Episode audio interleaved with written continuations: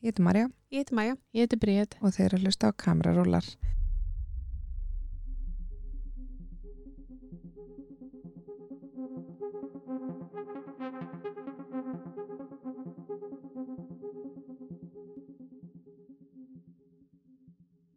Hjarnverslun er með úrval af fallegum gjafa, heimilis, barn og lífstilsvörum og það er gaman að skoða úrvalið á hjart.is eða á Instagram síðan þeirra undir hjarnverslun. Hlustendur okkar fá 20% afslátt af öllum verum í netverslun á hjart.is með kóðanum kamerarúlar. Við erum hérna í podcastuðinni og hjá okkur situr Anna Hafþórsdóttir, rithöfundur, leikona og handreitsöfundur. Verður velkomin. Takk fyrir, Hvernig er það? bara rosa fín. Já, og til rosa mikið. Herðu, já, þetta er náttúrulega bara vandræðilegt, sko. um, en ég er að starfa við þetta allt eins og Þetta er. allt. Ok, við hlakum til að heyra aðeins frá því eftir, Mhm. en hún bríði allar að byrja þetta. Já. Mm. Hver er uppáhaldsbíómyndin af hverju? Oh my god, wow. Ok.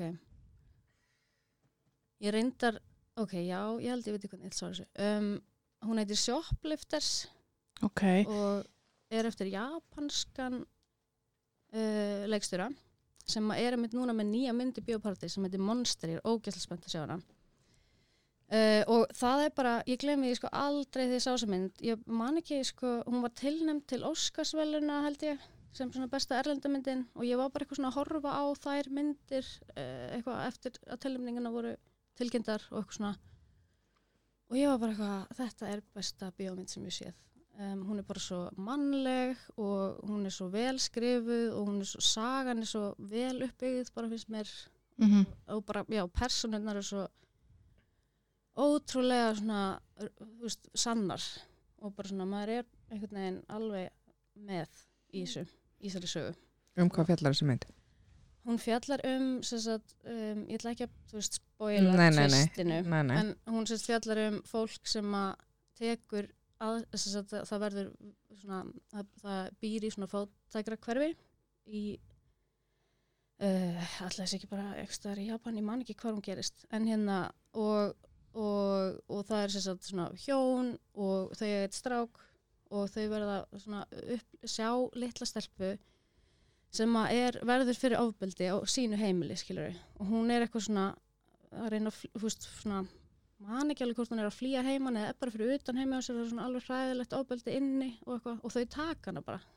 Og, og byrja bara hann upp sem sína skilur, svo bara verið að lýsa eftir henni og þau bara svona breyta hárin á henni og, og bara eitthvað svona, Mm. já, og svo þú veist heldur bara myndin áfram og koma alls konar eitthvað tvist og Mhm. já, Vá. Briljant. hún er klikkuð sko. En þú segir að þetta sé besta mynd sem þú séð. já, Það er ofta ekki það sama á uppáhalds. ok, vá, það er endur alveg rétt um, svona mynd sem ég horfi kannski aftur og aftur og mm. þannig sko það var þegar ég var úlingur Mm. þá var það alltaf Amelie Já. Já, það er frábær mynd. já, en ég veit ekki, ég hef ekki horft á hana núna í svolítið mörg ár Mm ég veit ekki alveg hvort að ég myndi segja að það væri einhvern veginn uppáhaldsmyndi mín í dag mm, ég er rosa hrifin af gríni Já. mjög hrifin og sérstak, já, undanfærin ár horfi ég sko langmest á grínmyndir og grínþætti Mm um, þannig ég er svona að hugsa ég, það er örgulega eitthvað Hvern- þar Hvernig grín? Mm, sko mér finnst þú veist eins og með þætti Mm þá elska ég þú veist ég er bara svona algjör basic típa, þú veist ég elska Simpsons Já. serjur 1-10 ég elska, eða mér finnst Office fyndið um, ég, ég er líka hrifin af svona bara algjöru svona sitcom dóti eins og bara Brooklyn Nine-Nine og eða skilur þú veist Fyndi að við áttum að umræðum þessa þætti bara rétt á það og við bríðum alveg þú veist, Já. já. Já, þú veist, ég fíla það alveg. Já, já, en þú já. veist, Brooklyn Nine-Nine og Office ég bara, Já, ég ég skil þetta ekki. Nei, þú veist, ok. ég bara, sko Office get ég stundum ekki. Já, Um, já. en Brooklyn Nine-Nine get ég eiginlega alltaf og, og, og ég set það svolítið í sömu kategóri og Girl. Ég veit ekki, mér finnst það að vera það er nærði að vera það. Já, já, algjörlega, Já. ég sammála. Og, hana, og þannig að þú veist já, en svo þú veist elska ég líka alveg þætti sem bara aðeins meira át þeir eins og hana uh, the um, Unbreakable Kimmy Smith. Já, og, já, Mhm. já. Og hérna eitthvað svona þar.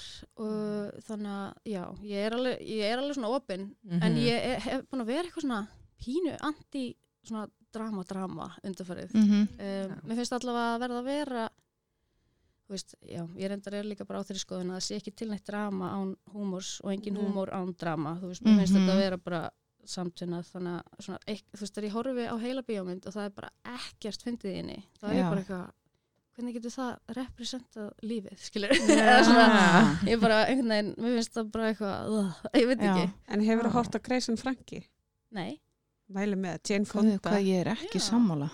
Svo er líka bara svo mikið frambúð af einhverjum þáttum og maður kemst ekki yfir þetta allt. nei, Þú veist, þetta nákvæmlega er bara, Mm ég veit það ekki. en ég segi kannski bara Amelie, af því hún Já. er, hún Mhm. ástaði í hjarta mínu Já. hún er náttúrulega alveg dramatísk en hún er samt Já. líka bara fyndin og Af því þú skrítin segir einmitt að þú- þú veist, þú fíl eh, bara alls konar Já. og þú ert alveg búin að nefna þau veist grín og Mhm, drama mhm. og, og, Mm og Hún er hérna líka þungt svona einhvern veginn, þú veist, þetta er mannlega og svona Mhm. eitthvað, þú veist, saga af þessari stelpu. já, mm og mér finnst svo skemmtilegt líka þegar, eða eins og svo mynd brýtur svo skemmtilega upp þú veist, eins og hérna er með svona upptalningar og þannig, mér finnst það svo skemmtilegt eitthvað svona, þetta er ammennar, hún er svona svona svona uppáhalds, hún, hún elskar að gera þetta og þetta, þetta, Já. Hún þólir ekki þetta og þetta, þetta eitthvað, eða svona, Já, eða svona sögumæður Mhm. Finnst svona, þegar það er vel gert finnst mér það svo Já. skemmtilegt Mhm. sko. Um, en það er náttúrulega já, er ekkit eitthvað kannski margir sem þóra í svona voiceover dæmi sko. það er náttúrulega mjög oft eitthvað skrítið Ég minnst ótrúlega merkilegt sem þú sagðir á þann að, hérna, þú veist, að öllu drama fylgir grín og öllu grínu fylgir drama. Af því Mhm. þannig er bara lífið, þannig að ef það er ekki annað er að þá er það bara skrítið.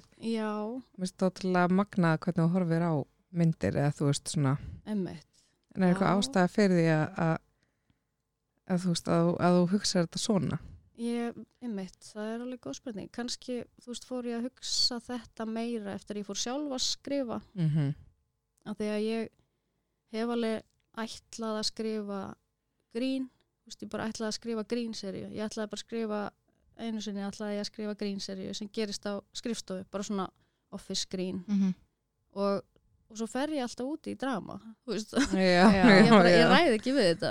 Og ég, og ég fór kannski stundum eitthvað svona að greina mig út frá því, bara hvað, akkur, þú veist, hvað er ég að gera? Og af því Mhm. ég leifi líka skrifum bara að koma eins og það kemur og, og svo ef ég eitthvað, mér finnst eitthvað áhugavert þá fer ég bara onni í það. Mhm. í staðan fyrir að vera eitthvað, nei, ég ætlaði að skrifa serju um þetta, eða þú veist, Já, og þá fór ég að taka svo mikið eftir þessu að bara, já, mér finnst grín kannski bara ekki áhugavert nema að sé einhvers konar drama undir því, eitthvað auðtengjanlegt mannesku drama. Mhm. og sama með drama minnst það ekkert áhugavert nema að sé einhver skemmtilegur vingil á því eða, eða personunar eru fyndnar eða Mhm. skemmtlegar eða, bara haldast vel í hendur já, grínu og drama. Og maður getur náttúrulega líka verið að lendi í ykkur svona mjög erfiðum kringumstæðum og aðstæðum mm sem að eru síðan þegar maður horfir tilbaka mjög komiskar. Mhm. nefnilega sko og það Þannig er komik í öllu öll, hræðilega líka, eða ok, kannski ekki öllu, núna er ég að hugsa um eitthvað ok, kannski Já, ekki öllu en, svona, en, en ef ég hugsa um bara þú veist, þess að það sem ég er að fjallum svolítið í mínu þáttum er eitt af því sem ég er að fjallum er alkoholismi og hann getur verið svo hann er hræðilegur en hann Mhm. getur verið svo fyndinn Mhm. þú veist, og það er svo fyndið að vera breyskur og mannlegur og, eða Mhm. þú veist Mhm. Já.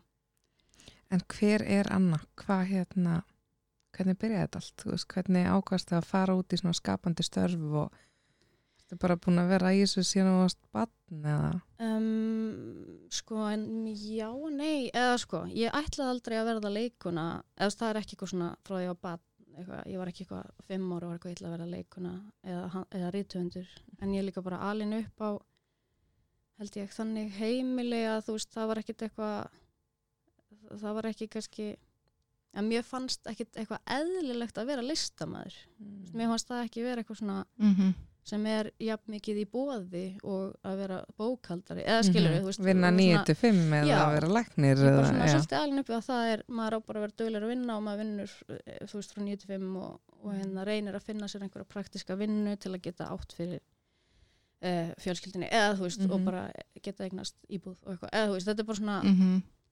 þannig að ég með dætt ekki í hug einhvern veginn að verða listamaður af einhverjum toga fyrir en, bara eftir mentaskóla eiginlega en ég fór samt, ég, ég hef alltaf verið samt þegar ég hugsa tilbaka þá var ég alveg svona bann sem að elskaði að, að skrifa sögur og elskaði að setja upp leikrit veist, þannig að augljóslega var ég hef ég alltaf verið þessi típa Þú veist, ég var algjörlega típan í fjölskyldubóði sem að svona sapnaði saman krökkunum og var eitthvað, nú setjum við upp leikrit. Og ég, svona, ég skrifaði leikrit og, og kastaði alla og var eitthvað, let's go. Svona, og, alveg, veist, óþálandi um, en, og skrifaði sögur en bara fylgti alla stílabækuna mínar af, af skáldskap.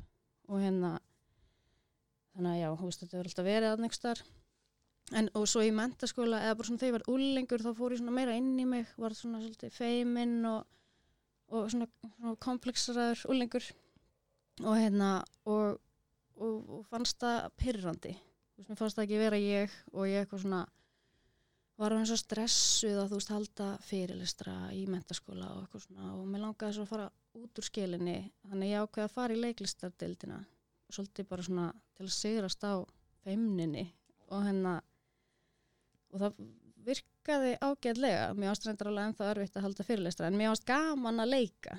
Mér ást gaman að fara í önnur hlutverk og koma fram þannig veist, og ég fekk alveg eitthvað út úr því. Og þá svona kviknaði kannski þessi leiklistar áhugi og svo eftir menturskóla var ég bara eitthvað svolítið tínd og vissi ekki hvað ég vildi gera og, og hérna ætlaði að verða arkitekt og sótti um það nám og hérna, en svo sé ég bara á Facebook einhverju svona auglýsingu, það voru ekki verið að taka nýja allavega í það, það ár, þú veist það var alltaf eitthvað annarkvært ár. En ég sá einhverju auglýsingu sem var eitthvað, viltu verða hérna leikuna og það var kvikmyndaskólin og hérna, og ég vissi ekki eins og þessi skóli verið til, hann var líka bara frekar nýr þarna, þú veist þetta er 2009 og ég klikka bara á þetta og sækjum, bara svona smá í einhverju rælni og, og svo hérna kemst ég ekki inn í þetta arkitektanám en það var, ég sendi henni einhverjum upp og hún sökkaði. Hún sökkaði svo feitt. Ég náttúrulega ætti enga veginn að vera arkitekt, ég hef enga hæfileika til þess. Þetta svona líka bara sína mér í dag bara váka ég þekkti sjálf um mig ekkert. Ég var bara Mhm. ótrúlega tínt um, en ég komst inn í leiklistanami og hérna og þá, þú veist já, þá tók ég bara svolítið ákverðin bara, já, herðu, ég ætla bara að verða leikuna ég ætla að vera kveikmyndaleikuna og hérna, þetta nám kostar eins og þið náttúrulega Mhm. vitið. Ógislega mikið og ég ætlaði ekki að mæta bara og gera eitthvað, þú veist, ég var bara nú, ok, ég ætla bara að vera leikuna Mhm. og það voru alveg einhverjir sem að manni voru að reyna að stoppa mig sko, voru bara eitthvað, já, ætlar, ætlar þú að verða kvikmyndaleikuna á Íslandi? Ætlar að vinna við það, það er að gera þrjár myndir á ári sko, Já. ég var bara Já. jöp, eitthvað ah, that's the dream. Um, og ákvað bara að skella mér. Og, og mér fannst námið svo skemmtilegt. Mér fannst það geðveikt skemmtilegt. Þetta var náttúrulega mjög erfitt líka, mjög intensíft. Um, þú veist bara hérna, tímar alla daga alla virkadaga frá 9-4 og svo ógeðslega mikið utan skóla. Þú veist maður var alltaf að undirbúa sig undirbúa að læra einhverja senur og leiki öðrum stuttmyndum og öðrum verkefnum og, og mjög intensíft en ógeðslega gaman og svo útskrifast ég og er bara eitthvað, jæja.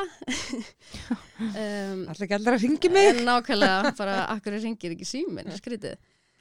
Um, þannig að þá þú veist hófstalleg og síðan þá hef ég þetta veist, ég, ég hef alltaf lesunulega fengið eitthvað að leikin á milli en ég er náttúrulega starf ekkert við þetta 100% og ég vissi það kannski líka allan tíman ég myndi alltaf þurfa að gera eitthvað með þessu af því ég er ekki í leikusinu og hafði kannski ekkert brjálaðan áhuga á því heldur en, en líka bara vissi að þú veist maður á eilegt sjans í það úr þessu námi þú veist, Mhm. það er svona Nákvæmlega. maður er líka bara ekki að þjálfa sig í því þarna þannig að já, þú veist þannig að þannig fer ég inn í leiklistina og svo er ég bara eitthvað svona fór að læra tölvunafræði af því ég hugsaði, það er sniðugt með leiklistinni eitthvað að hérna, ég get unnið kannski líka svolítið sjálfstætt sem fóriðtari og það er ókslega góð laun í því og eitthvað ég læri það og, og starfaði sem fóriðtari í heilt ár eftir útskrift og það var það var sko indislegur hérna vinnustöður og hérna indislegt fólk sem ég var að vinna með og, og draumur minn basically rættist, ég fekk hlutverk þegar ég var að byrja að vinna þar og var bara eitthvað herði, ég fekk hlutverk í bíómynd aðhlutverk og ég ætla að taka því þannig að ég held að hann myndi bara reka mig skilur, en hann var eitthvað, já flott, sjáum bara um mánuð. Eða þú veist, og þannig að þetta virkaði skilur, Vá, ég fekk já nema hvað, að ég bara eitthvað bara smám saman a day að innan, þú veist, ég bara þetta hendar mér engan veginn að sitja við skrifborð í 8 tíma á dag að forrita. Þú veist, ég bara ég bara gati þetta ekki sko. og ég var bara eitthvað jössis aumingi er ég. Mm. þú veist, akkur ekki þetta er, þetta er það sem ég vildi. En þú veist það, já en þá fór ég að hugsa bara, ok hvað þú veist vil ég gera? Og hérna og það var, eldi, það var mamma mín sem var eitthvað svona þú veist, þú hugsa tilbaka, hvað elskar að gera þá spatn og ég var eitthvað ég, þú veist, ég var alltaf að skrifa og hún var eitthvað, já eitthvað, farði, farði að skrifa þú veist, það er þú veist, og þá hefði hún kannski alltaf alveg séð það fyrir sér að ég færi eitthvað þá leið og þannig að ég prófaði bara að sækja um í reitlist í háskólanum og, og komst þar inn. Og þar fannst mér ég alveg svolítið lenda á minni hillu. Og hérna og, og já þannig að það er svona, svona króka leiðin mín svolítið inn í því, og já, og svo skrifa ég bók og byrja að skrifa þætti og það gengur allt einhvern veginn fyrir eitthvað vel mm Mhm. -hmm. og svona fyrir að ganga svolítið smurst miklu meira en í leiklistin til dæmis sem er alltaf svo mikið hark og, Mhm. og, veist það- ekkert hvort það verið búið að koma pröfu hér eða hvort Nei. það þú getur farið hér og að... svo mikið að neyjum og Mhm. svo mikið af bara svona já að þú veist uh, það er er, veist, þe- þegar maður er að skrifa þá er svo miklu öðuldur að búa til bara sitt verkefni Já. og þú veist gera það bara, ég skrifaði bara bók og vissulega þarf ég hérna forlag en þú veist það er bara eina það er ekki Já. eitthvað svona Já, já. ef maður þú veist ætlar að leika í bíómynd þá er svo margt sem þarf að ganga upp þú veist ég þarf að vera ráðinn Mhm. eh, og þú veist já það, er ekki í mínum höndum Nei, nei, nákvæmlega.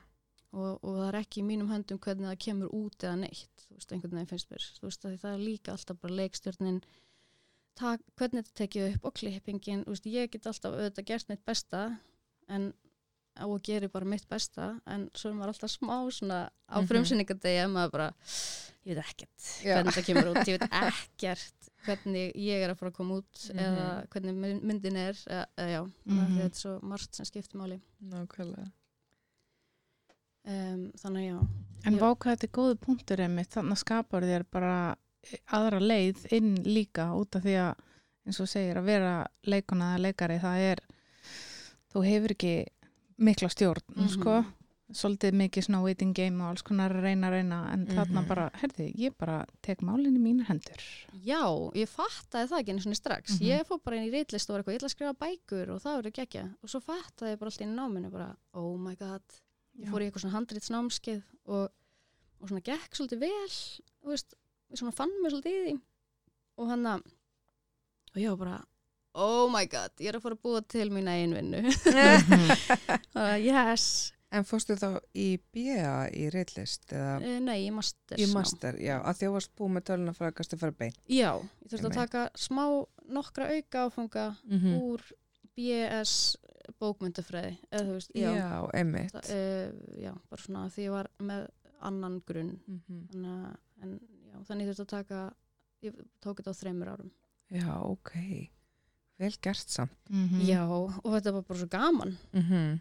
og ég er náttúrulega bara eitthvað ballis á þessum tíma og, og hérna já um, maður hugsa það alltaf núna þegar maður komið bara, Já. bara eitthvað ég gætt gert allt sem ég vildi, hvenær sem ég vildi Mhm. Tengi. um, já, þannig að þetta var bara aðeinslegt og bara um mitt þó að þetta hafi, ég var stundum alveg bara skildi ekkert hvað ég var að gera í lífinu þú veist, Mhm. og fannst ég stundum vera bara eitthvað svona eins og því fyrir ritlist þá er ég bara eitthvað, er enn einu svona að byrja á einhverju nýju og, veist, og er þetta bara í lægi eða má ég bara fara í þriðja námið Mhm. og, og fannst ég svona kannski eitthvað svolítið týnd en núna í dag þá þykja mér svo vænt um um þetta ferli Mhm. þú veist, og það hefur allt einhvern veginn haft uh, bara sinn tilgang líka tölvunafræðin Algjörlega. um, Og það Það er líka bara alltaf eitthvað sem þú getur grepið í. já einmitt. hvena sem er. alltaf með það á bakinu sko. Og ég menna, það er nú bara þekkt í þessum bransa að fólk er bara ofta inn í einhverja svona launþega vinnur mm -hmm. af því það vantar pening á heimili af því að Já. á endanum þá er þetta bara hark og verktakavinna, skilur þetta er svo mikið hark mm -hmm. og þessi bransi hann er svo mikið hark þannig að já En þú ert búin að vera í einhverjum verkefnum, hérna bíómyndum og, og þáttum eða bara bíómyndum. mm, sem leikuna þá Já, Já, um, aðalabíómyndum svo var ég hann í afturöldingu ok.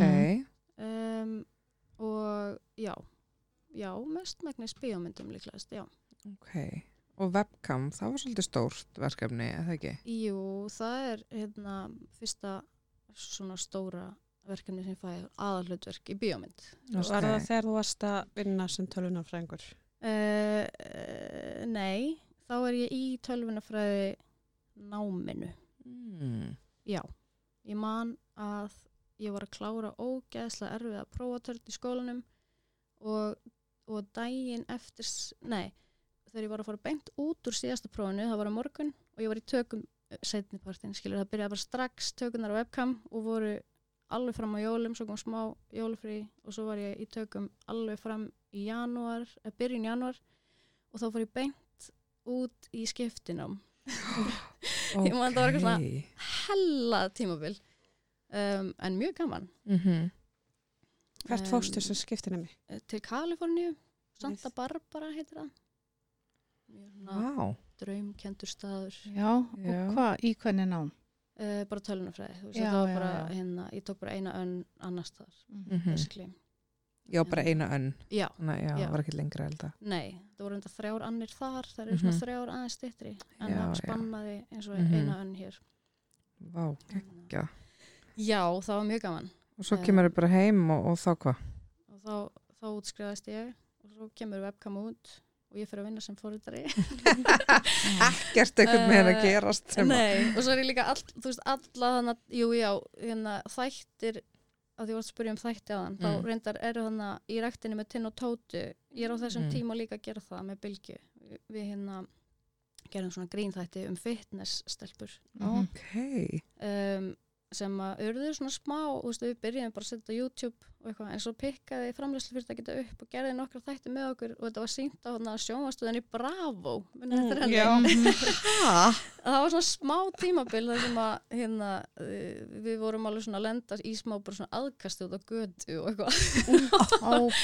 en svo sopnaði það verkefni bara en, Já, ok. en að það var, það var líka á þessum tíma rétt á nýra að fara að leiki webcam minni mig, Mhm. þá var ég líka að leiki þessum tinn og tóti og eitthvað og líka aðeins eftir ég kem heim þá er ég að vinna sem fórhættari og, og, og leiki tinn og tóti og svo sem sagt ákveður hann og tóni sem gerði webcam að gera aðra mynd og kasta mig líka sem aðalutverk í hana og það er sem sagt myndin sem að hérna, ég fer bara fæ frí úr vinnunni til að fara í Mhm. tökur á Og hvað mynd á það? Eh, Snjór og Salome heitir hún Akkurat, já. og hérna, hún svona vakti ekki alveg mikla aðtikli og webcam Mm en, en bara, já, skemmtileg mynd sko. Já, er- maður heyri samtal um hana, sko. já, þú veist- hún er held ég á vottinu og eitthvað svona, þetta leiðina Mm -hmm. Um, þannig að já, það var bara líka mjög skemmtilegt Mm ferli, en þetta eru náttúrulega svona indie myndir Já. sem að þýðir að það var ekki mikið budget Mhm. og þetta var svona stundum mjög heimilislegt Mm mm. miða við þegar maður hefur farið síðan í svona þessar stóru productionir eins og afturölding eða eitthvað. Þetta er bara ekki eins vinna basically, Nei, nei, um, en bæði mjög sjarmerandi bara á sinnhátt þannig að hérna já, þessar indie myndir voru svona já, eins og webcam er bara hún er með svo rosastórt hjarta finnst mér, þú veist, Mhm. og það er líka það sem svolítið gefur henni sjarman sem hún hefur og allir þar voru svolítið að vinna af passjóni, ekki fyrir peninga. Já, já. þannig að já, En það er oft líka svo ógeðslega skemmtilegt. já, nefnilega sko. Og það er það sem ég við stundum, ég ætla ekki að segja alltaf, uh, af því ég hef bara ekki farið á það mörgsett, en e, ég ætla samt að segja að veist, stundum finnst mér vanta passjónið mm af því það er svo miklu peningar í húfi. ég er sammála. Að, ég er alveg sammála því.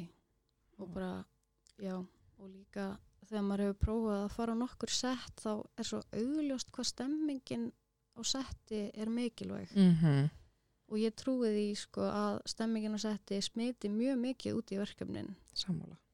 um, og sem sagt bara það sem þú sérð á skjánum sko. Já. Mhm, Algjörlega. einhvern veginn, það er bæði bara svona augljóst að þú veist, auðvitað getur leikari ekki performað eins vel og hann getur ef að það er óþægileg stemming Mhm. En líka bara eitthvað svona ósnertanlegt þú veist, bara eitthvað hérna, Eitthvað svona andrumsloft já, sem að já, er eitrað. já, Ég held að það sé bara eins og með allar vinnur, þú veist, ef að starfsfólki líður ekki vel eða finnst það ekki vera að fá nót vinnun sinni þá líður bara vinnan fyrir það akkurat og það er bara með allt. nákvæmlega, einmitt En hvenar skrifaður þessa bók að tellja upp í miljón? Er það eina bókin eða fyrsta bókin sem þú skrifaður? já, já. og eina Ok, ég er, að, ég er að byrja að skrifa aðra Ok. en, hérna, en já, þetta er ég, ég skrifaði hana í náminu þarna reitlistanáminu og það var svona lokaverkefni mitt, fyrsta Ó. uppkastið af henni sko. og svo var ég að vinna eitthvað í henni í þú veist ári viðbót eða eitthvað og, og svo sæki ég um hana nýja rattir hjá forleginu sem er eitthvað svona vel, það er eitthvað svona þú getur unnið og þá færðu að gefa út bókina þar og færðu einhvern smá pening eða eitthvað þannig ég sótt um það og, hérna, og vann það þannig að wow. Já. ég, veist, þannig kom hún út mm Mhm. það er, uh, já það er, það er svona ég veit ekki, svo, margir tala um að það sé auðvelt að gefa út bók en wow, já, en svona, mér stundum heyra það bara, já, já, þú finnur bara eitthvað hérna, Já, finnur bara eitthvað forlag og gefur út bók og ég er svona mm, ég, mér, það var ekki mín reynsla að það var eitthvað auðvelt að finna forlag sem vildi gefa út fyrstu Nei. bók hjá mér Mhm. þú veist, en þannig að ég var ókslega fegin að vinna sér velun af því að svo gekk bókin mjög vel og núna er ekkert mál fyrir mig að já. þú veist, gefa út Já. hjá Að þú getur forlagin sínt fram á eitthvað. Já, það ekki? já. já. þannig að mér fannst svona að koma sér fyrstu bók að fannst mér alveg svona uh, ég, ég var alveg stressuð með þetta sko, og var alveg búin að fá Mhm. nei frá allavega einu forlagi og eitthvað svona Já, ok. þannig að hérna já, en, en þannig ég er ókslega þakklátt fyrir þessi Mhm. velun og allt það um, En þú sagði að þú varst að skrifa uppkast að þessar bók þegar þú varst í náminu mm og þetta var svona eiginlega lokaverkefni og svo varst að vinna inn í ári viðbót. Hvað er ferlið? Hvernig er fer, var ferlið hjá þér mhm. við að skrifa þessa bók bara frá allu? um, þetta byrjaði sem uh, þetta byrjaði sem svona, ég ætlaði að fara að segja stuttmynd hérna smásaga Já, Ég 100% ruggla miðlum ég hérna. hef 100% verið bara mm Mhm. og bara að vita hvað það var að tala um. Já, um, og, og þannig að þú veist kveikjan af sögunni gerist þar, þú veist, í smásögunni.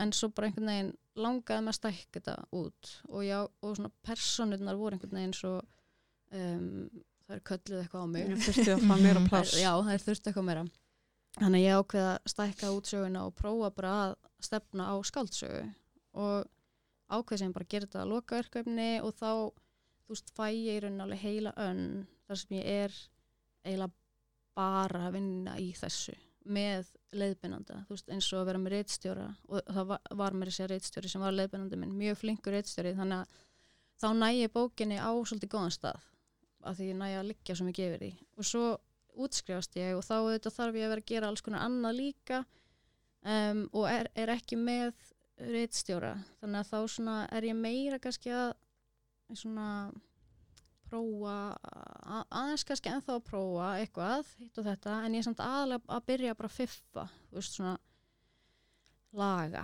og Mhm. hérna og, og, sm og smyrja eða svona, ég veit ekki já, já. Er ekki hægt að gera það endalust? Jú, emmitt, það er það er líka ótrúlega svona erfitt að vita hvenar maður á að hætta Mhm. hvenar, er komið, hvenar er þetta komið Akkurat. það er bara eitthvað, maður verður bara að fylgja innsæðinu Mhm. en ég held líka þessi mjög oft þegar mig langaði að setja punkt þá sagði reitstjórnum um mig nei, þú verður að taka eitt raun áti viðbútt þú veist, og það var svo mikið rétt eftir á Mm. um, en ég var bara eitthvað gera hvað Já, fannst já. þetta bara að vera tilbúið en, hérna, en eftir á er ég bara nei, vá, hvað þetta þurfti þessa síðustu Mhm. smurningu já, já. um, þannig ég var, já, ég var svona dútla í því svolítið og svo fer ég svona að fá vini úr reillistinni til að lesa yfir fyrir mig og fer að fá punkta og eitthvað svona og svo byrja ég að senda þetta á forlög og ég meitt eins og ég sagði hann, ég fekk eitthvað svona nei frá einu og, og já frá öðru reyndar sem var svona lítið forlag og svo sendi ég inn í þessa keppni og, og, og vinn keppnina og þá fæ ég reitstjóra aftur en það er bara svona mjög stuttferðli þannig á milli, Mhm. þú veist bara ég með ég bara fæ tvo yfirlestra frá, frá henni eða eitthvað. Og hérna og þá á heilli bók. Já, wow. og hérna þannig að þau velja held ég mjög, þau velja veist verk eh, til að vinna sem eru mjög langt komin Mhm. í þessari keppni um, af því að það er svo stuttur tími til að klára um, þannig að þannig að já og, ég, og veist þess vegna er ég líka bara hvað ég fein ég fór í þetta nám af því að þar gat ég veist leið yfir þessu Mhm. og hérna annars veit ég ekki hvort ég hefði einhvern, já æ, maður veit aldrei nei, nei. en bara, ég veit ekki hvort að ég hefði einhvern veginn klárað að skrifa heila bók Mhm. Mhm. uh, svona fyrstu bók þú veist, maður þarf að hafa svo mikið hugur ekki líka í það já, já, Já, þólinmæði. uh, og þólimæði og, og svona að vera með rítstjóra sem er alltaf að gefa mig punkta allt ferlið, það var svo svona reassuring eða hvað sem þú veist, það var, já, já. Og, og bara let mig alltaf halda áfram, veist, Mhm. vilja halda áfram og Já. vera bara með sjálfstrustið að halda áfram, bara já, þetta er á réttri leið, þetta er gott og, og eitthvað svona. Og núna Ok. ertu á bók nummer tvö. Já, Hvað, hvað ertu komin langt? mjög stutt, Ok, En- en ég er samt komin með svona persónuna, já, ég er sko, ég er að fara að skrifa um leikonu ok. Ertu að skrifa sjálf þig? sko nei, en ég er kannski að fara að skrifa einhverja svona manneski sem veist, ég myndi ekki vilja vera Mm. Eða- Æ. ok, já svona bitra leikonu sem að langaði að meika það en gerði það ekki Mhm. og er alltaf svona að reyna einhvern veginn þú veist, til, já, æ, mér finnst þetta bara eitthvað fyndið Mm. hún er alltaf að ljúga öllum veist, hún er með svona alls konar frasa bara, já, ég er á milli verkefna og Ah, þenni já. finnst þetta svo vandræðalegt Já. að hafa einhvern veginn ekki meika það og svo er, og hún var í LHI og mér finnst LHI líka fyndinstæður Mhm. sem að mér langar aðeins að gera grína. Já, Please do. Um, en svo er ég líka að blanda smá svona sakamálin í þetta Ah. um, Geggjað. Það má bæði, sorry að því að ég sagði please do með öll á í, nei bara öllum ég er bara gaman, Já, já, það já, má gera grína öllu já, nefnilega og sérstaklega listaháskólum. Veist, Já, ég myndi líka alveg vilja gera grína kvömyndaskólanum en LHI er bara svo hérna, hann er miklu snoppaðari og það er þess vegna er það fyndnara. Mhm. um, og þú veist já og kannski líka að því ég, þú veist, eftir á að því, svo fór ég sérst í pröfu fyrir LHI mm. eftir að ég útskrifaðist úr kvömyndaskólanum áður en ég fór í tölvunafræði sem Já, sagt. ok. ég, ég er alltaf að gleyma einhverjum svona Já, það er bara mjög algengt um, einmitt, að því að hérna, mér langaði að láta reyna á leikaradraumin aðeins meira, eitthvað þannig ég fór í pröfu í LHI og komst ekki inn og þá varði ég svo bitur út í LHI sko. þannig ég er, ég er að skrifa það frá mér Já, en en yfir veist ekki svo fyrsta, þannig einmitt. já. Ok. Nei, nei, en, nei, nei, en já, hérna personurnar eru komnar og svona einhver smá sögutræður og ég er svona Mhm. aðeins byrjuð en þetta var svona eftir að lenda. Já, en ég þurfti bara að fá um eitt rými til að skrifa. Einmitt. en Hvað meinar, getur það ekki með eins og, sól, eins og hás gamlu barni og eða? verið að vinna frítt. Já, nákvæmlega. Eh, Hvernig gýrar þið í að setjast niður og byrja að skrifa og eða er það þegar það kemur til þín bara, ah, og þá, Mm, Nei, nefnilega ekki, ég er ekki þannig. Nei, Maðurinn minn skrifa líka og hann er svolítið þannig. Um, En ég virka ekki þannig. Ég þarf bara að setjast niður og opna tölvuna mína og byrja að skrifa Þanga til ég detti gýrin Ég þarf bara að byrja að skrifa, stundu skrifa flæði skrifa ég bara svona eitthvað.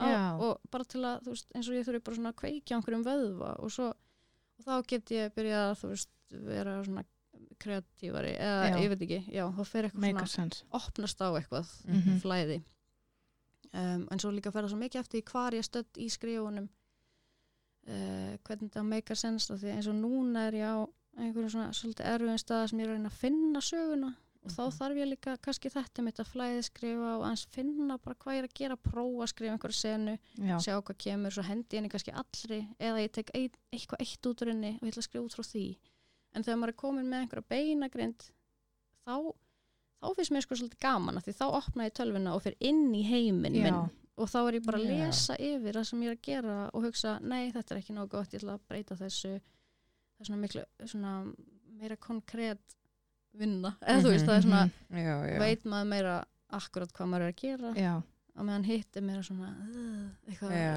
já. uh, gerist eitthvað í dag, ég veit það ekki Stara aðeins út í loftið. mm og svo kannski þarf ég bara að lesa bók og þá fæ þú veist, það er mjög svona getur opnað á eitthvað að bara lesa Mhm. og það, það er svona gefur manni smá svona inspiration einhvern veginn að bakka þess frá því sem maður er að skapa sjálfur Mhm. og lesa verk eftir aðra eða horfa á verk eftir svona. Já, líka bara upp á þú veist, stíl uh, rétt stíl og, og andrumsloft og eitthvað þá, já, Mhm.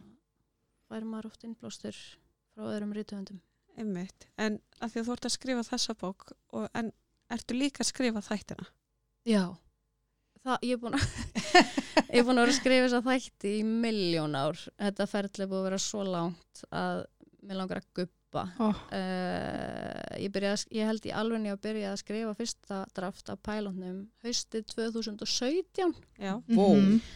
já, búin að fá 200 styrki síðan frá kveimtisjóði og búin að fara til framleiðanda sem að dró þetta verkefni endalaust og svo fór ég til annars framleiðanda sem ég er hjá núna sem að er búin að keira þetta miklu meira áfram og svo komu inn leikstjórar og, og annar þeirra er mjög flinkur handritsefandi líka og var svona við, við löguðum svolítið saman handritin. Þessi handrit eru náttúrulega búin að fara í þvóttavélina mjög oft og hérna uh, sem eru þetta bara gott þau eru alltaf að verða bara betri og betri. En núna erum við sérst að sækjum framlýslstyrk og við erum búin að fá nei einu sinni með punktum sem voru mjög góðir og ég lagaði handritin út frá þeim punktum og við sendum inn aftur. Og erum að bytta, sorry. Ok, ok. þannig að hérna, já. Og sjónvarp Símans er, er, er, vill gera þetta en við þurfum fjármagnið líka Já, Já, já. það. Skrítið. Við erum allir að vilja þessa peninga. Já, Mhm. og það er aldrei einhvern veginn nóg til að þeim Nei. Ég bara skil ekki, það er eins og það sé gata á svona vasa. Já, ótrúlegt Kveimundasjóður er náttúrulega ég heyrði eh, einn kollega minn segja einu svona vegir Kveimundasjós séu órannsakanlegir þannig að maður þarf bara vera með ákveð aðrileysi Mm. Já, já. og bara sækjum aftur og aftur og svona bara að besta Já, Já, já. sniðugt. Það er góð punktur að vera bara óþólandi Mhm. þannig til að segja já. Já, margir rögla sem er í, Mhm. í þeim En það góða við það er að þeir gefa punta tilbaka. Já, ég fekk frábæra punkta Já. en þannig að þessi ráðgjafi er sko mjög fær Mhm. í senni vinnu sem að ég fekk Já, Eh, já. þeir eru náttúrulega mismunandi, þeir eru enda mjög fáir akkurat núna en, en þeir, veist, þessi ráðgjafar það er nú líka málið að veist þetta hérna, veltur allt á einni mannesku Já. hérna uh, sem manni finnst kannski pínu skrítið líka Einmitt. ætti þetta ekki að vera kannski þrýr eða, Eitthvað svona, eitthvað svona teimi sem að já, er með mismundi skoðanir Já. af því að það er kannski smá ósangjant stundum örgla Mhm.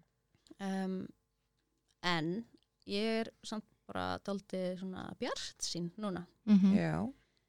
ég ætla að vera það, ég ætla að síkrita þetta Mhm. Já. síkrita jáið Það er nöðsynlegt. Mhm. Setja þetta út í kosmósið. Þannig að, og ég er rosalega spennt að sleppa þessu verkefni, þú veist, sleppa tökunum Mhm. á þessu verkefni, en, en þó að ég fá nei og þó að þetta verði aldrei gert, þá hefur samt þetta verkefni látið mig, þetta hefur gefið mér fullt af vinnu, Mhm. þannig að þetta var aldrei til einskis. Já, það verið- fengir reynslu já í gegnum og, ferlið. og ráðin af því að þú veist, það eru margir sem hafa lesið pælóttin til dæmis út af bara, þetta hefur farið, fór á milli framlýslu fyrirtækja. Þannig að ég verið ráðin inn í handritsteimi annar staðar bara út af þessu. Já. þannig að þetta Mhm. hefur alveg unnið fyrir mig Mhm. Já, já. þó þetta sé ekki búið að koma út. Nei, En- nákvæmlega. En megum við vita eitthvað um hvað þetta er? Já, uh, þetta er um, þannig náðu ég sko að nýta allt, Mhm. hérna tölvunarfræðina og, og friðlistina og leiklista, því ég ætla að leika það hlutverkið Já. og skrifa þættina og þetta er um forritara. Já. sem fyrir Eh, ógeðslega boring forriðrafinni. Já, já, nema hvað, að það er einhver duðlega fullur yfirmaður á, Mm. sem að hún byrjar að rannsaka en hún er líka samt, hún er mjög þessi stelpa, hún á mömmu sem er alkoholisti og henni er mjög í mun að enda ekki eins og hún þannig að hún er alltaf að fara inn og út úr A-samtökunum uh, og það sem ég langaði kannski svolítið að fjallum er, er þessi svona vægu hérna áfengisvandamál Íslendinga, þú veist, bara Mm. er ég alkoholisti Mhm. eða ekki, það er best að fara í á A-fund en svo hættur við af því að þú veist eitthvað, ég er ekki alkoholisti ég er svolítið að, já, hún er þannig allavega og er að byrja að vinna sem fóreldri og byrja að rannsaka yfirmann sinn og leigir með besta vini sínum og leikonu sem er svona svolítil dífa Mm. Eh, þannig þetta er þetta fjallar í rauninni bara um svona venjulegt ungt fólk sem er að díla við venjulega, svona hverstislega hluti eins og bara með, með þú veist, að hérna ná árangri í starfi þú veist, á ég að þú veist, finn ég einhvern tímann maka, á ég vil ég börn, eh, allt Mhm. þetta en, en svo er fer þátturinn hann er ekki alveg í okkar veruleika veist, það eru alveg mjög svona skrítnar personur og þú veist, yfirmaðurinnar er mjög skrítin og, og þetta fer svona þetta er svona eins og kannski smá hliðar veruleiki við okkar Mhm. Mhm. Þetta er mjög spennandi Já. og af því að það er svo mikið í bóði, mikið í gangi, -hmm. er þetta að fara í allar hann er áttir mjög alveg. kátiskur en, Já. en, en hann er samt vel struktúriraður Mhm. Já, já, já, svona kátiskur Já, í já. kátinu Mhm. já. Ég ætla að síkreta jáið fyrir því líka. yes, ok ég er búin Að koma þessu út núna þetta. sko, Mhm. í Já. kosmosi Þetta hljóma mjög skemmtilega, ég er sammála ég myndi alveg horfa á þetta Yes. Það Ok. alveg, ég ákvað bara að skrifa þátt sem að mig myndi langa til að horfa á já. ég var ekkert að pæla í neinu öðru Mhm. Ég var bara, og það eru svona flashback mikið í honum eins og er í þessum þáttum sem við vorum að nefna já, eins já. og New Girl og eitthvað, Mhm. koma svona absúrt flashback Já. í hennar minningar sem geta verið mjög brenglaðar, Mhm. skiluru Já, og það er mitt, svona mitt stórfurðulegir karakterar Já, í New Girl. Svona, eins og bara Nick, stórfurðulegur. Akkurat. En samt er samt svo relatable á sumum augnablikum. Ég held að New Girl sé alveg klárlega einn af áhrif á völdunum í já, skrifum já uh, og Unbreakable Kimmy Smith og þessi, Mhm. og þessi svona þættir sem við höfum verið að nefna líka Brooklyn Nine-Nine sko. Já. ég er ekkit, mér finnst það ekkit verið eitthvað svona þáttur sem ég er sérstaklega stolt að ég elska uh, hann er alveg líka óþólandi hann er um löggur í bandaríkjónum Mhm. skilur, og svo, En það Svo- eru svona ógeðslega margir sem vil það. ég Já. veit það Þannig að eitthvað er það er ekki En svo bara sem betur fer mis, bara Já. erum við öll svo mismunandi og þú veist, ég og Bríð þórum ókslega mikið á raunveruleika þetta meðan Maja gera það ekki skilur Ég, er bara, ég, sko, bara það að nefna raunveruleika þetta í fæðum ég get ekki hórt á raunveruleika Vá. í alvörni nei, ég bara, ég næ ekki að tengjast þessu. Ég horfa á allt sem er heila löst og heitir love. En þetta er líka ekkit eðlilega vinsalt veist þetta og svona crime Já, svona, það er dópið mitt. Það er dópið okkar sko. Já, bara svona heimildamindir og þættir, ég alveg bara. mér finnst þetta bara vera eitthvað að mér. Er af hverju elska ég þetta ekki? Ég, ég reyndar að elska svona true Já. crime en Mhm. raunveruleika sjónvarp og sko allt sem ég veit um Kardashian fjölskylduna er að því að ég bara lendi bara í óvart það hóp það sem er verið að tala um þetta og ég er svona, af hverju veit ég þetta? Þú veist, ég þarf ekki þessar upplýsingar í helunum ég, ég var um daginn við, við manni minn eitthvað byrju hann að Timothy Shalaman hann Já. hvað heitir hann Shalom eða eitthvað. uh, ég var eitthvað byrju hann er með hann að hann að Jenny Kyler hann var eitthvað oh my god Anna bara, þetta, eru, þetta eru ótrúlega úreldarsréttir og hún heitir það ekki bara, veist, mhm. já, nei, nei, ég er alls Það er ógeðslega að fyndi að þetta hafi verið, öfugt, þá að hann bara, nei, Já, nei, ekki það að hann horfi á raunveruleika þetta en hann Nei, er bara en- eitthvað þetta er rosa basic Það- Ég að held einmitt að bara allir viti hvað já. þessar systur heita en það er ekkert á því endalegu viljið það, þetta er bara þú nei. kemst ekki fram hjá þessum systrum. ég er bara eins og þú, ég veit ekki hvað er heiti ég horf rosa mikið á raunveruleika þetta en það, ekki svona sko, Nei, ekki svona um alvöru fólk. Ég var ég hef engan áhuga á því sko. Nei, ég vilt hafa þetta leikið. Nei, ég þú vil veist, svona bachelor svona eitthvað svona hallarislegt sem að Þú meinar Ég svona nobodies svona nobodies, Já, já, já, já, ég já. get ekki svona eitthvað ég er fræg að því ég er fræg. Akkurat, akkurat. Það, ég skil það ekki sko. Nei, nei, nei. Veist, þá vil ég bara fá raunveruleika þátt heim til mín skilur ég get líka bara verið fræg að því ég er fræg skilur Ég var þess að svo skotin í hann Timothy um daginn. Ég var að horfa á hver er Timothy? Að leikarinn getur ekki snútskil Nei, ég, ég held ég hafi ekki séð neitt með honum. Ég nefnilega var, ég var í flugvél í, í sumar og horfði á hann Dune hann leikur Já. sérst aðalhuturski í Dune og hann leikur núna í hann Charlie and the Chocolate Nei, Já, já, já. Willy Wonka Willy Wonka, Já. já, um, Hann er Já, rosalega já. sætur sko. Hann er eitthvað svo sætur Já, er hann með Kell, Kylie Kylie, Jenner. Keller eitthvað? Þetta er það, Einmitt. Kylie Jenner Er það einn sýstirinn? eða? Já, Heita það ekki Rosalegt. Kardashian? Nei, sen er það tvær yngri, held ég. Sko, við hérna sem að, hér. hérna er það sem að horfa ekki á raunveruleika sjónvarpin eru mest að pæla síðan í Já, þessu. nákvæmlega uh, ég fór náttúrulega að pæla í þessu bara því að ég var svo öfundsjóka að hún væri eða ég var bara svona vá því litt power couple Já, en ég er að minna, þú veist, af hverju er þú ekki með honum? ég segi það uh, ég held kannski bara að ég þurfa að kynna mig Já, uh, fyrir honum senda honum bara posta á Instagram. fyrsta manneskjan sem fæ þá hugmynd Bara ég er rithöfundur, leikona og handrit. það er Hérna endar mjög mér. sterk leiðin, sko. Já. Já, já. En ég er minna í vestafalli þá bara ferði ekkert svar. Nei, nei, einmitt. Ég ræði þetta um manni minn Já. ekki um heim.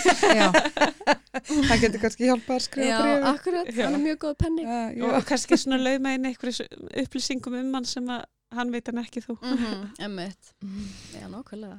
En svona, ef við tölum að, Já, ef við tölum að um hérna, svona sett sem við farið á, já. hvað er svona eftirminnilegast fyrir þið að hafa tekið þátt í? Um, sko, ég held að það hljóti að vera afturölding af því að uh, ég er bara að leika handbóltakonu Mhm. sem að þýðir, þetta var bara svo sérstakt ferli, þetta byrjar löngu áður en tökubyrja, þá byrjum við leikonina sem voru ráðnar inn að, að æfa handbólta náttúrulega, þú veist, ég Mhm. æði handbólta þegar ég var úlengur, táningur þú veist, ég hætti þegar ég var 16 ára ég mann, þú veist, ég þurfti að rifja mjög mikið upp taktana og hérna og það er ráðin en þjálfari veist, við erum bara með enga þjálfara en erum líka aðeins að mæta veist, já, með valstelpunum. Og hérna og, og þetta er sérst allt að gerast hvaða ár? Uh, 2020 eða 21 eða eitthvað. Hæ? já, af því að tökurnar síðan frestuðist um heilt ár Út Eh, af, af sollu? uh, nei, ég held að vera út af, út af bara eitthvað fjármagn kom ekki í gegn Ah. alltaf, þetta snýst Mhm. alltaf um peninga En, en byrju segja mér, voru þá allar þær sem voru ráðnirinn með Mhm. einhvern handbólta bakgrunn? já, Var það skilir nema ein uh, og hún er bara svona íþrótta Já, já. miðið, skilur hún er svona rosa hlaupari Mm en hún, veist, en það endaði samt þannig til dæmis að það var hún var einmitt bara það var hægt að mynda hana að hlaupa og svona en þetta er svo skrítin íþrótt, ef þú Mhm. æfðir þetta ekki einhver tíman Mhm. og ert ekki með hreyfingarnar í líkamannum þá ertu aldrei að fara að geta verið einhvern veginn hérna uh, sannfærandi handbóltakona Nei, nei, ég skilði. Þetta, Geta ekki lært þetta bara hálfa ári Nei. og bara... og þeir sem æfa og virkilega vita allt um handbólta og horfa á hana þátt sjáur að við erum ekki Já. hérna Mhm. uh, Já, þú veist, ég hef, hef heyrt það, Já, sko, en en- ég Já. veit ekki hvort sé klippingina eða hvað, ég er ekki handbóltakona, nei, nei, en nei, þú veist, það er alveg kannski líka það en, en Já. ég held líka það sé bara því við erum ekki Nei. þú veist, Já, já. uh, og, en við vorum með handbóltastelpur með okkur veist, sem að letu þetta líta allt ægilega vel út og, og, hérna, og vorum við þetta búin að æfa aðeins um, en þetta er auðvitað erfitt þú veist, hérna, við eigum að vera ókslega góðar Mhm.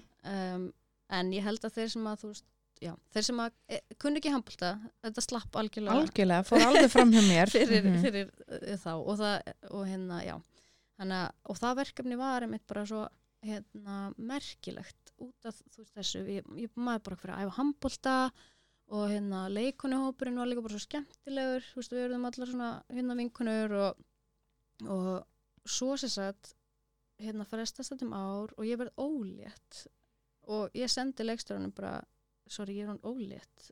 Hérna ég á að eiga í júni og þeir eru að plana tökur í ágústu það ekki, eða september. Og hérna og hann var eitthvað, jú, heldur þú treysti þér? Og ég bara eitthvað já, já, Já, já. Ég ákveð það bara núna áður en ég á þetta bann. akkurat Bara, já, Ah, já. en, Koma svo. en ég heldur að hafa alveg passað þú veist, karakterinn minn til dæmis er í rauninni ekki með neina svona sögu sem skiptir, þú veist, ég er með einhverja línur Mhm. en ég er ekki með, ég er með karakter sem hefði alveg geta þú veist, það, hefði ekki allt farið á kvolf ef að ég hefði dottið út Mhm. Mhm. sögulega séð það hefði bara einhver verið settur í staðin hérna handbóltastelpa Já, og já. einhver aðrir fengi línutna mín eitthvað ímyndaði Mhm. mér en, en hérna, mér langaði bara svo að vera með Já. mér var ekki eitthvað að reyna Og Síðan er ekki Þannig að- alltaf sagt að maður er að segja á við öllu. Jú, Ekki nákvæmlega uh, þannig að það, já, einmitt þannig ég var bara, jú, ég, hérna, ég get það með þryggja mánuða bad Já. uh, Fyrsta bann. já, maður veit ekki neitt hvað sem er maður segir bara já var bara, já, verður maður ekki búin að jafna sig þá. Já. Þannig að ég var sem sagt hlaupandi um íþróttaheimili. Já. hérna, handbólt er ekki góður fyrir mjöðmir by the way. Veist, ég er með lausar mjöðmir að hlaupa um að stökka upp, eitthvað, að skjóta mark, að spretta og það voru þrýr mánuði síðan eftir bann. Þetta var bara Oh my algjör God. strugl, sko. Um, take it till you make it. Um, en þetta gekk og ég var líka með náttúrulega hérna, br- mjólkur, brjóstin skilur bánsandi út um allt og, og, hérna, og sérstókslega mikill munur líka ef einhver þú veist, myndi taka eftir skilur í, í fyrsta leik og síðasta leik af því að það eru þrý já, mánuður á af því þið milli. voru byrjuð að taka upp. Fyrsta leiknum er ég Já. bara og svo bara í hérna, þriðja leiknum er ég orðin miklu minni. Og hérna, þetta er eitthvað svona uh, já, þetta, er, þetta var áhugavert. og litla stelpa mín bara á setti stundum þannig ég geti gefið henni brjóst annars var ég bara með pumpu alltaf á milli Mhm. hana skilur já þetta var krefjandi en mjög gaman Það verður rúkslega gaman fyrir hann líka að sjá þetta já, að hún bara- líka er hún er þannig á milli já, bara. hún líka er í seríunni þeir bæ- bættu því bara inn að minn karakter var nýbúin ekki spatt þannig að hún, Ok. ég er með hana í einni seríunni í klefanum. Ég man Geggjað. eftir því. það er ógeðslega skemmtilegt það Já. er mjög gaman en það er líka, það er svo briljant líka mm þú veist, auðvitað, þeir eru allar fullarna konur í handbólta, Mhm. það gerist að það koma börn. Þeir bætt alveg smá inn eitthvað svona, þú veist, þeir bætt alveg inn bara að, að þessum bánsandi brjóstum og ég, það er eitthvað svona sena þar sem að þar sem að hérna yngvar eða segir eitthvað hver er þessi með júlurnar að það er að teipa þetta niður. Eitthvað, hún er ekki alveg í balans.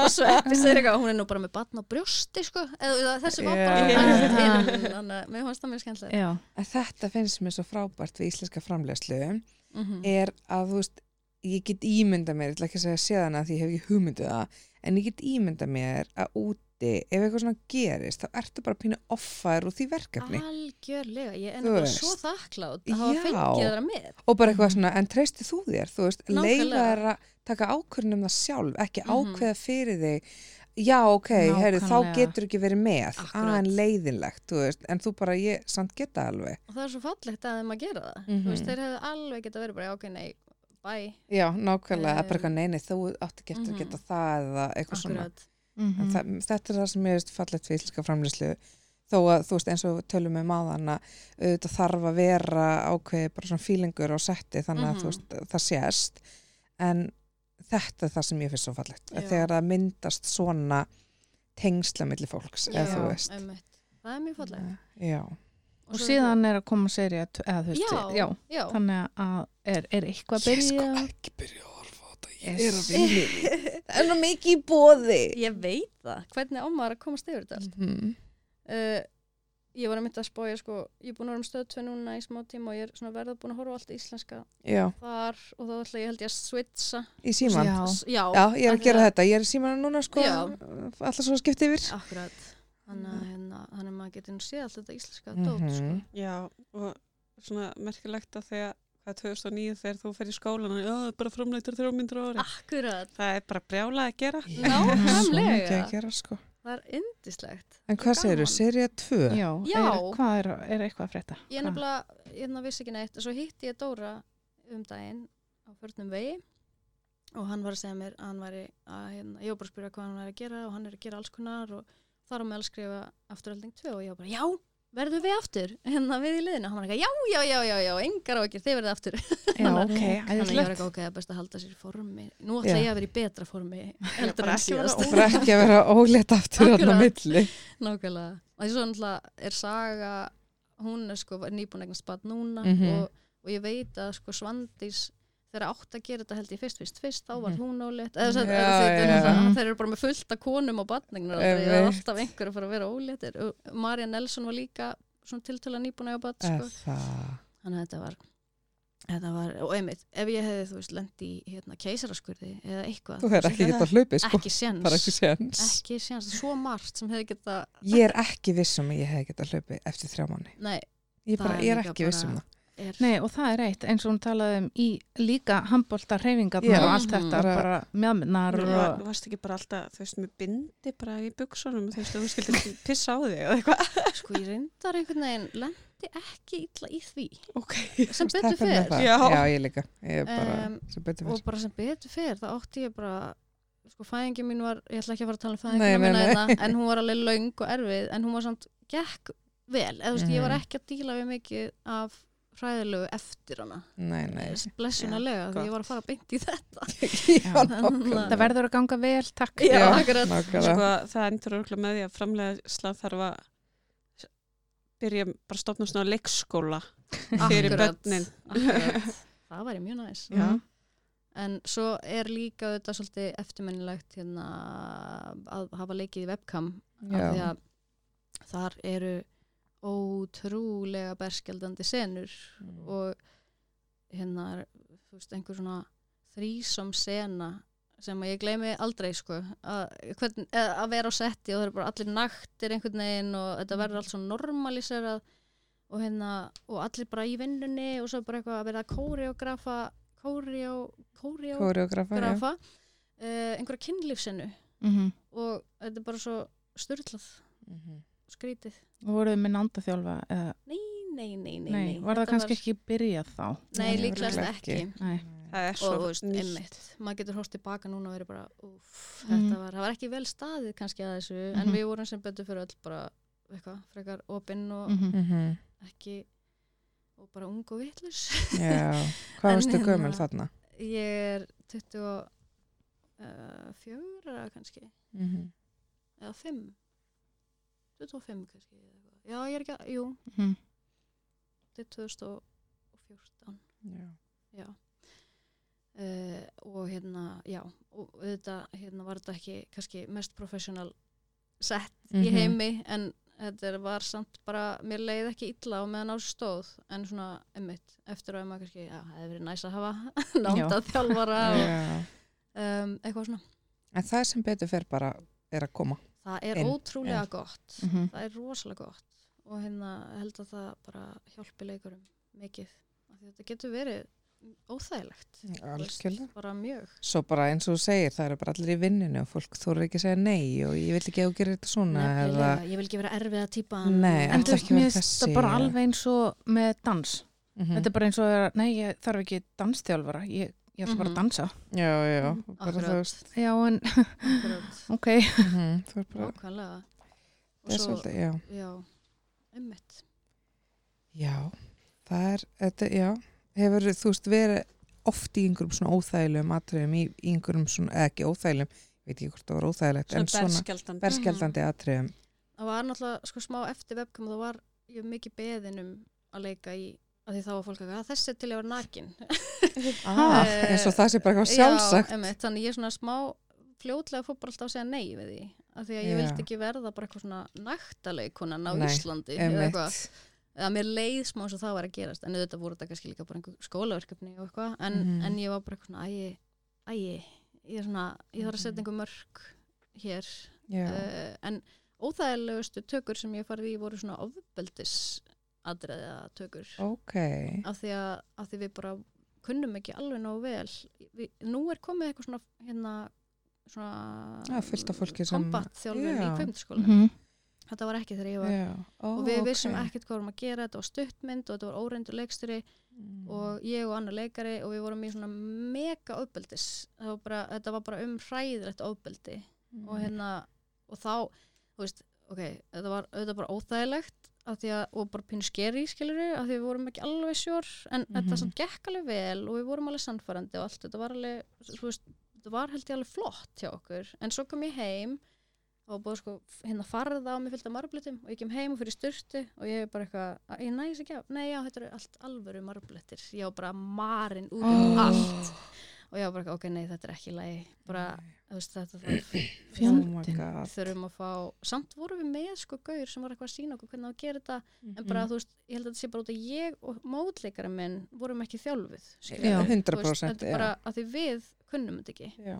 en það er mist mjög cool að þessi byrja að kenna þetta í Mhm. kvömdaskólanum Já, Og bara- nöðsynlegt. Ég meina það, þú veist, Mhm. bara he- heppin að vera líka sterk út af því að maður getur ímynda sér að margir Mhm. Fara í algjöran mínus við eitthvað svona Mhm. Á- Algjörlega, algjörlega. þannig að En svo er líka bara komni stöndleikarar, þú veist, svo mikið Já. núna sem að annarkvort taka þetta á sig að þjálfa það, skilur, Akkurat. þjálfa hvernig og átt að- bregðast við og hvernig átt að gera svo meiðir ekki hinn aðilegan og svona, þú veist, þannig að já, Já, ég get rétt ímynda mér, það er svo mikið ofbeldi í kvikmyndum, það Mhm. hlýtur að vera, það er ekki allir með marbletti heimi á sér. Nei, nei, nei, nákvæmlega. Þessi leikarar, að nákvæmlega. þetta hlýtur að vera mjög góð leið til að gera þetta. Mhm. Já. En, en, en já, ef ég myndi vera að fara að leika einhverju svona aftur, þá myndi ég held ég byggja um einhverja þjálfun. Já, algjörlega.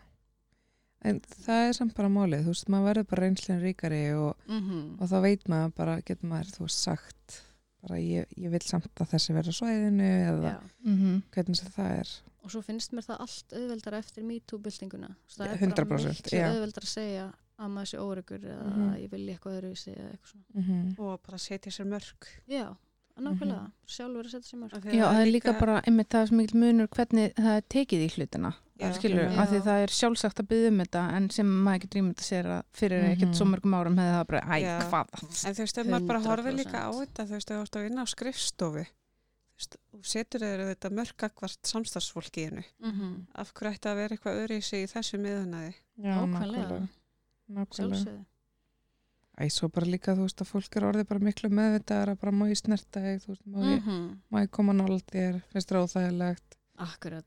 Í staðan fyrir bara þetta svona sem var smá svona leikaradóta, bara allir eigi að elska að snerta alla og við Mhm. séum öll bara, að, þú veist, Allir sleik alltaf. já, og- bara eitthvað svona, já. Það er alveg lenskan í sumum löndum, sko, Já, og en þá. Já, já, opna á nándina eða eitthvað bla bara, Mhm. sem er bara. Já, Mhm. já. Og, er, og í dag sér maður það, en þá var maður bara eitthvað, já, mhm, eitthvað. Mhm. ég ætla að vera rosalega frí spirit listamæður. Já, til í allt, alltaf. Ég, ég get alveg skilið að leikarar og dansarar þurfi að læra og, og æfa sig í nánd. 100%, já, en, já. en það er svona spurning hvernig aðferðir eru notaðar. Algjörlega, það er svolítið þannig, sko. En já, við erum komin að langt Já. út úr efni Já, og, já, en það er bara gaman. En mér langar til þess að spyrja einna spurningu svona að lokum. Mm -hmm. Hvaða ráð myndur að gefa einstakling sem er að taka sín fyrstu skref í listabransanum? mm. uh, Sko, mér langar að segja að sko það sem að ég myndi vilja segja held ég aðalega væri bara að að þú veist, þú, þú ert ekki hérna, feiljur þó að þú sért ekki þó þér líði ekki alltaf eins og sért að meika það. Veist, það er það er svo, það er svo mikið þarna á milli og, og maður verður bara alltaf að halda áfram. Af því að eins og ég lísti á þann þá var þú veist, mín, mín leið svo skringileg og kræklótt og eitthvað en, en ef maður virkilega finnur í hjartanu sína að maður vill vera listamæður þá bara gerir maður það. Og þá og maður getur verið þú veist, svona late bloomer eða þetta þarf ekki alltaf gerast núna. Það er held ég það sem að ég myndi ráðleika einhverju sem er að byrja af því að ég var stundum svo ógisla pyrruð og leið yfir að það væri ekki alltaf gerast núna. Og þá var ég bara, já ok, þannig ég er sérst ekki nóg góð fyrir þetta. Og, og svona, oft sem ég Mhm. ætla að snúa baki við, veist, þess að til dæmis leiklistinni bara, æ, ég er ekkert að veist, ég er ekkert ég var alla leið bara oft þess að ég bara, ég væri ekkert að starfa sem leikuna og þetta gengi ekkert og ég væri búin að fá svo mörg nei og, og hérna, og þá var ég bara, æ fuck it, ég fyrir bara að læra eitthvað ógeðsla praktísk og verð rík eða mm já. þú veist og hérna, mi- mitt ráð er bara það virkar ekki, ef þú ert listamaður þá bara ertu listamaður, sorry það eru bara erfið örlög. En þá verður maður bara að halda áfram og finna sína hillu og, og leifa bara svolítið hlutunum að gerast eins og þeir eiga að gerast. Og stundum gengur illa og stundum gengur vel. Einmitt, mjög góðu punktur. Einmitt þetta að, að þú getur verið að gera eitthvað en þú kannski segir sjálf því að aldrei, það er aldrei nóg það sem mm Mhm. ert að gera en, en samt ert að gera eitthvað gegja en þú bara, þú, það verður að vera eitthvað meira eða eitthvað annað og að ekki vera að bera sér saman við aðra það er líka bara algjört eitur af því að Mhm. það er einhver sem er alltaf að gera eitthvað flottar en þú og, þú, og maður meða sig alltaf við einhvern sem er aðeins betri af því að maður vill vera þar og svo ef maður kemst þangað þá er bara einhver annar ofan það þú veist það er alltaf einhver til að Já, vera pyrraður yfir þessi betri sem gerir, og þú veist, þá er maður líka að tala svo illa til sín maður er að Mhm. svo lítið úr einmitt. sér og sín, þú veist, hvað maður er sjálfur búin að vera að gera það maður er eitthvað, ég er svo mikill lúser sjá, sjá þessa, veist, hún er að gera Mhm. þetta, þetta og þetta og hún er búin að hérna, fá þessi velun eða eitthvað, veist Mhm. þannig að samanbörður er ekki málið, Mhm. bara gera sitt og, og, trist, og trúa á sjálfan sig. Bara jú, þú, jú, sko. Mm, Mhm. nákvæmlega. Mér finnst það frábært ráð og bara frábært lokaorð. Takk aðeinslega fyrir komuna. Bara takk fyrir að fá mig